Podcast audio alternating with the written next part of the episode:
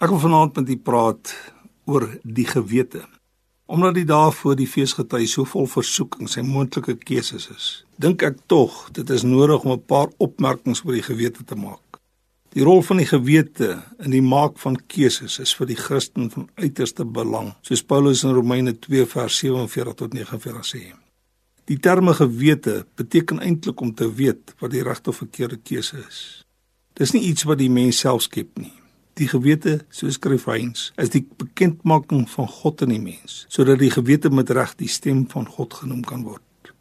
Dit beteken dat daar 'n regspraak in jou binneste is, is besef van goed en kwaad, reg en verkeerd en 'n bewussyn van jou verpligtinge en verantwoordelikhede, wat jy nie uit jouself kan verklaar nie.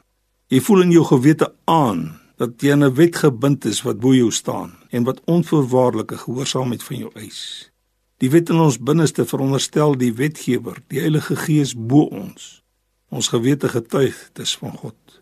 Ja, die gewete is jou intuïtiewe vermoë, jou geestelike sintuig om die ingewing van die oomblik te weet wat die regte of verkeerde keuse moet wees. As hoogs persoonlike verskynsel is die mens nooit sonder sy gewete nie. Hy loop om voortdurend teen sy gewete vas om steeds weer te ontdek dat dit sy gewete is en niemand anders se nie. Die gewete is ook feilbaar. Jy kan jou ook deur jou gewete mislei word. Dis menslik om 'n fout te maak en die gewete kan ook 'n fout maak.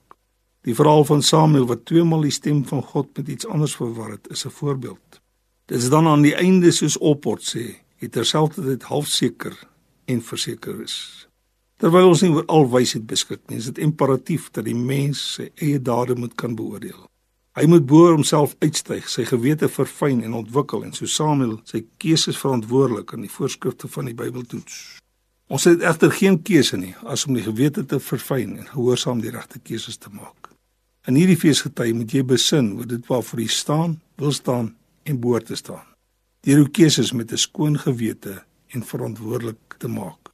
Die Heilige Gees self veroorsaak 'n geseënde onrus in ons lewe en hy ontmasker ons mistastings. Die Franse spreekwoord lei: Daar's geen kussing so sag soos 'n skoon gewete nie. Amen.